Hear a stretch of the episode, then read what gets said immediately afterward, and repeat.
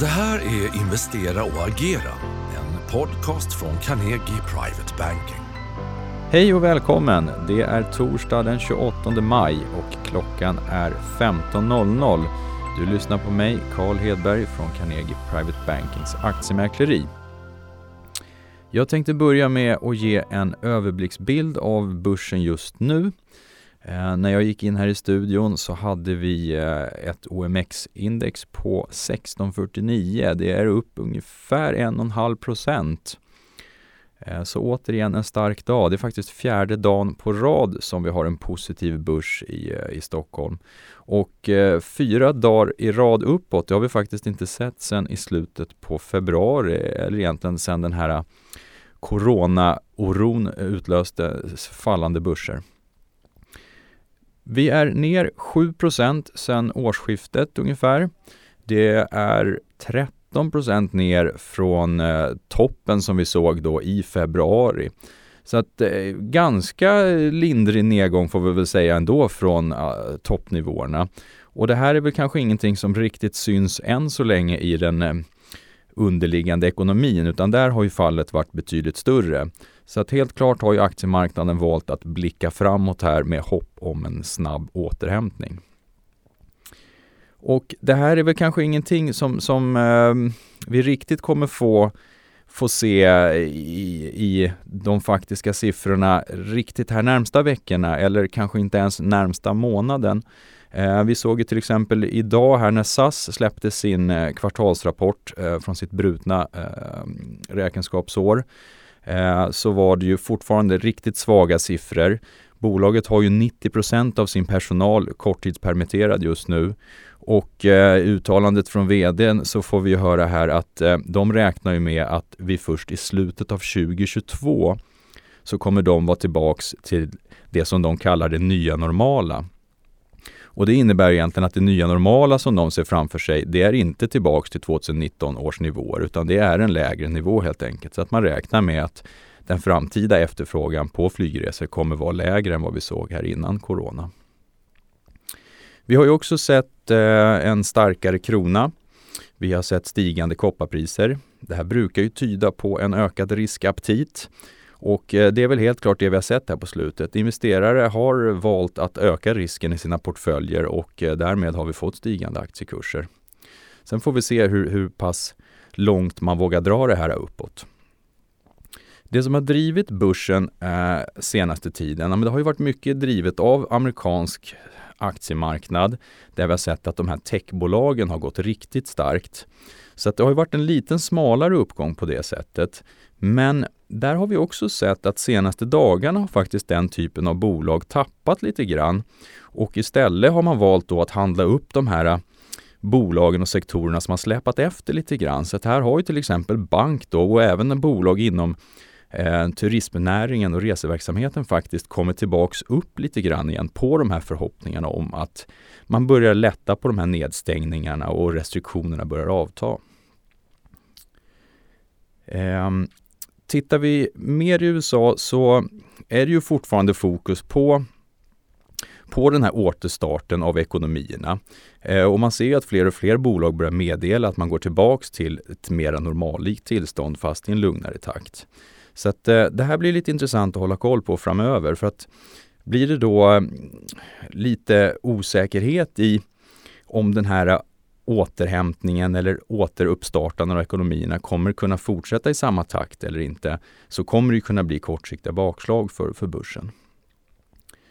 Men det som är intressant att hålla koll på framöver är eh, givetvis de prognoserna som bolagen kommer lämna här eh, i samband med kvartalsrapporterna som släpps i juli månad.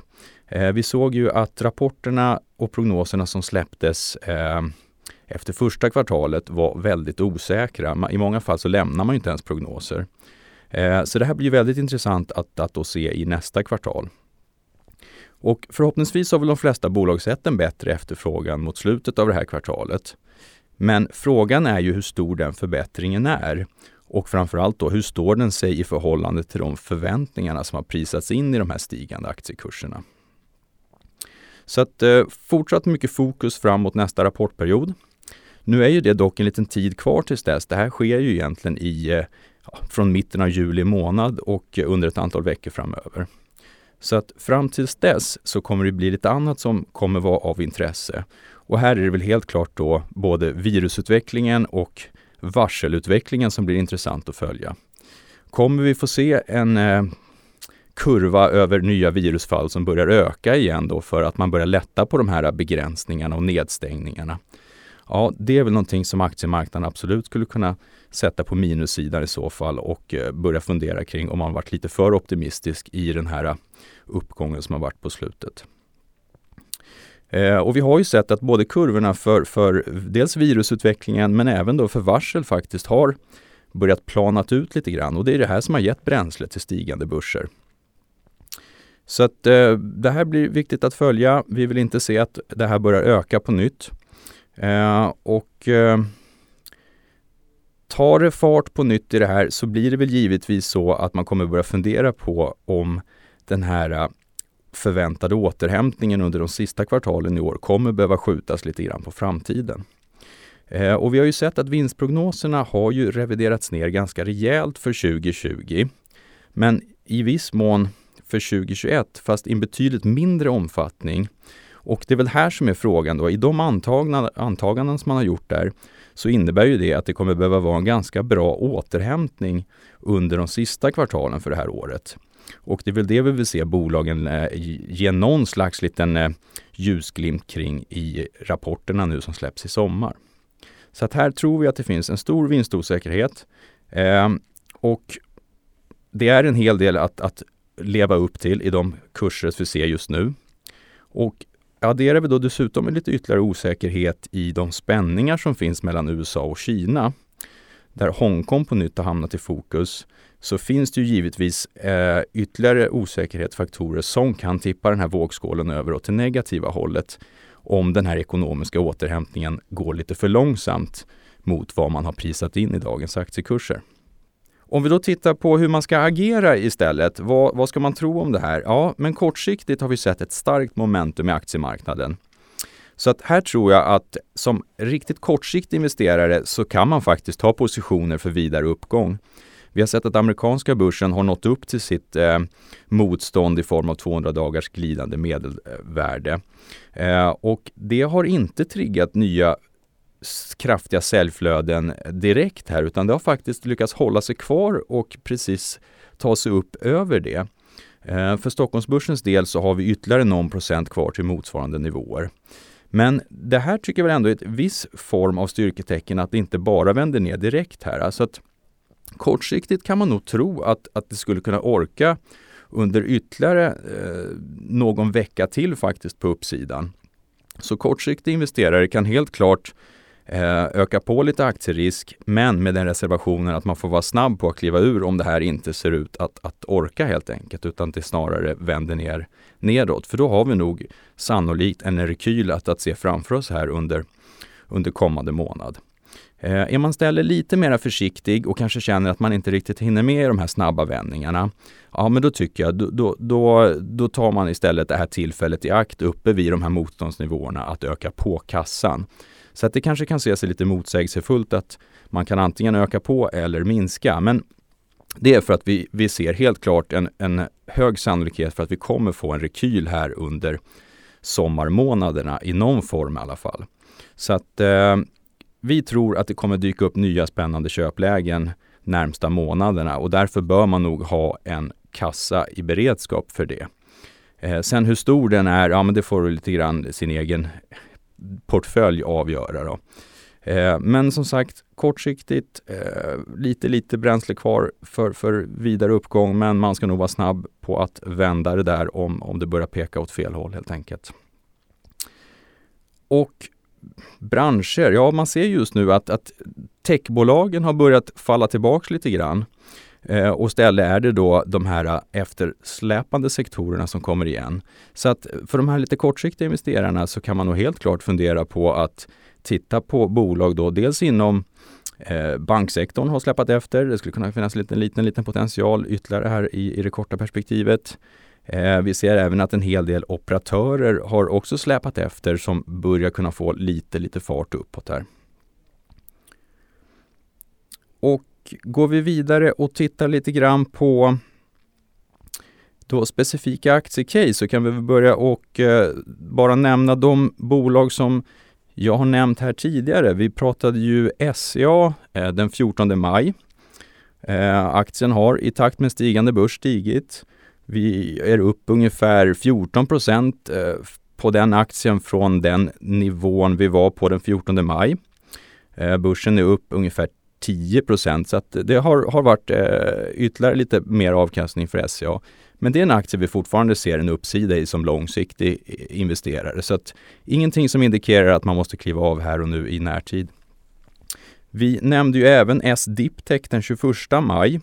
Den aktien är upp ungefär 10% sedan dess eh, på en börs som kanske har stigit ungefär 5% under den tiden. Så att, samma sak här, fortfarande intressant potential för den långsiktiga investeraren.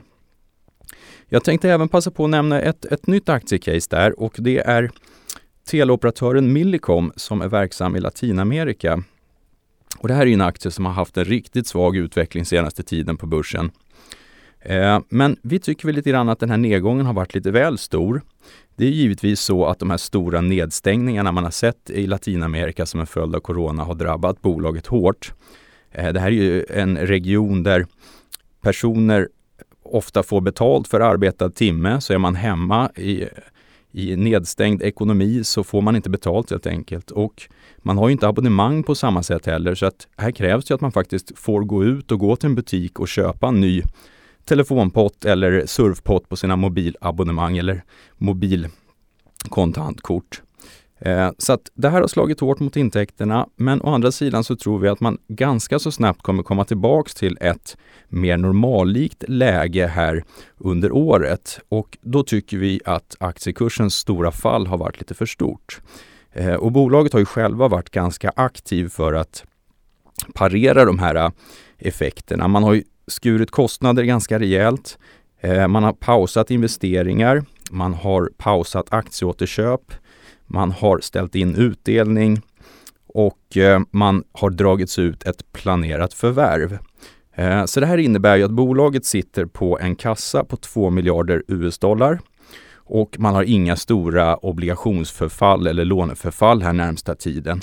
Så att vi tycker man är ganska väl rustad för att vänta ut den här svagheten som vi tror är mer av tillfällig karaktär. Och aktien handlas egentligen runt 10-årslägsta nivåer och det tror vi är lite för lågt om man blickar eh, lite längre fram. Och vi tycker också att aktien nu faktiskt har indikerat att den har vänt runt lite grann och att köpare börjar hitta tillbaks. Så att den tekniska analysen börjar se intressant ut i den här. Vi tycker den indikerar lite uppgångspotential här faktiskt i det korta perspektivet också. Det här aktiecaset är en sammanfattning av Carnegies analys som publicerades för Carnegies kunder den 4 maj. Mer info om aktien finns länkat i beskrivningen till den här podden. Historik och underlag kan du få genom att mejla mar information carnegie.se. Tack för att du har lyssnat! Nästa avsnitt av Investera och agera hör du torsdag den 4 juni. Tack så mycket. portfölj för dig.